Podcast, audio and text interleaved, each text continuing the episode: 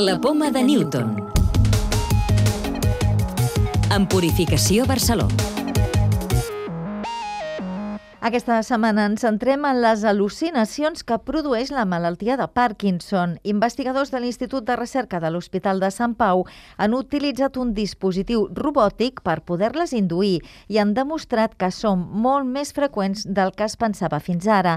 També descobrirem un estudi que avala separar les dues dosis de la vacuna de Pfizer i un altre sobre els riscos que comporta néixer amb baix pes a l'hora d'agafar la Covid-19. El dispositiu robòtic que han utilitzat els investigadors de l'Institut de Recerca de Sant Pau, dissenyat a Suïssa, indueix les al·lucinacions menors o de presència que es produeixen en la malaltia de Parkinson i això ha permès estudiar els circuits cerebrals que s'activen en els malalts. La recerca, a banda de demostrar la relació entre aquestes al·lucinacions i el deteriorament cognitiu, podria permetre diagnosticar precoçment la patologia. N'explica els resultats Jaume Kulisevski, responsable de la investigació medicació. Molt més fàcil induir aquestes al·lucinacions als malalts amb Parkinson i encara més fàcil amb els pacients que ja tenen espontàniament al·lucinacions presencials. I dos, que el circuit cerebral que produeix aquestes al·lucinacions en els subjectes normals es troba alterat en els malalts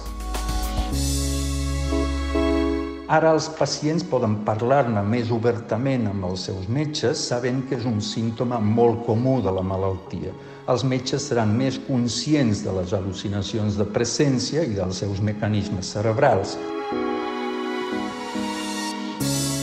es podrà emprar aquest sistema robotitzat per induir al·lucinacions de presència i poder establir si aquest és un marcador precoç d'aparició de malaltia de Parkinson que permeti identificar el risc de patir la malaltia i establir mesures de prevenció o de tractament precoç. El dispositiu rasca l'esquena de la persona sense que aquesta el vegi i així provoca una al·lucinació de falsa presència que es registra després en un aparell de ressonància magnètica.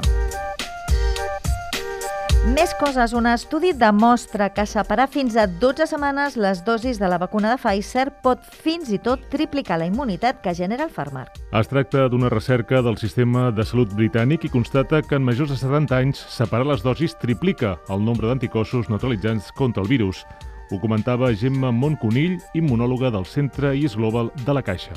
El fet d'endarrerir la segona dosi de Pfizer, de que són normalment de 3 setmanes, doncs endarrerir-la 11 o 12 setmanes, en gent gran augmentaria la resposta d'anticossos, però podria passar en tota la població. Haver tingut baix pes en néixer per sota dels 2 quilos i mig triplica el risc d'acabar l'UCI per Covid-19. És el que apunta un estudi pioner d'investigadors catalans que per primer cop explica per què algunes persones joves i sense malalties prèvies desenvolupen una infecció greu i fins i tot poden haver d'ingressar en unitats de crítics.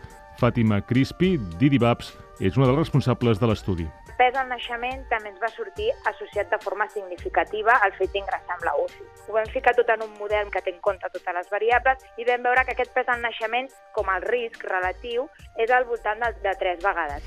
Ja ha començat la recerca internacional de 5 anys per cartografiar l'univers i revelar els misteris de l'energia fosca. La investigació amb important participació catalana i també de l'Estat utilitzarà l'instrument espectroscòpic per l'energia fosca DESI, situat al desert d'Arizona, als Estats Units.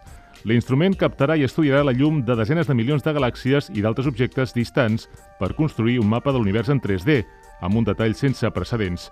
Les dades han de permetre conèixer millor la força de gravetat associada amb l'energia fosca, que és la que produeix l'acceleració d'expansió de l'univers. Llibres de ciència. Avui us recomanem el llibre 100 històries de l'aventura espacial de l'astrofísic Joan Anton Català. Es tracta d'una obra que fa un recorregut per les grans fites de la investigació espacial, parteix de la història dels pares de l'astronàutica i passa per moments clau de la carrera espacial, com l'arribada per primer cop de l'home a la Lluna o el primer aterratge en un cometa.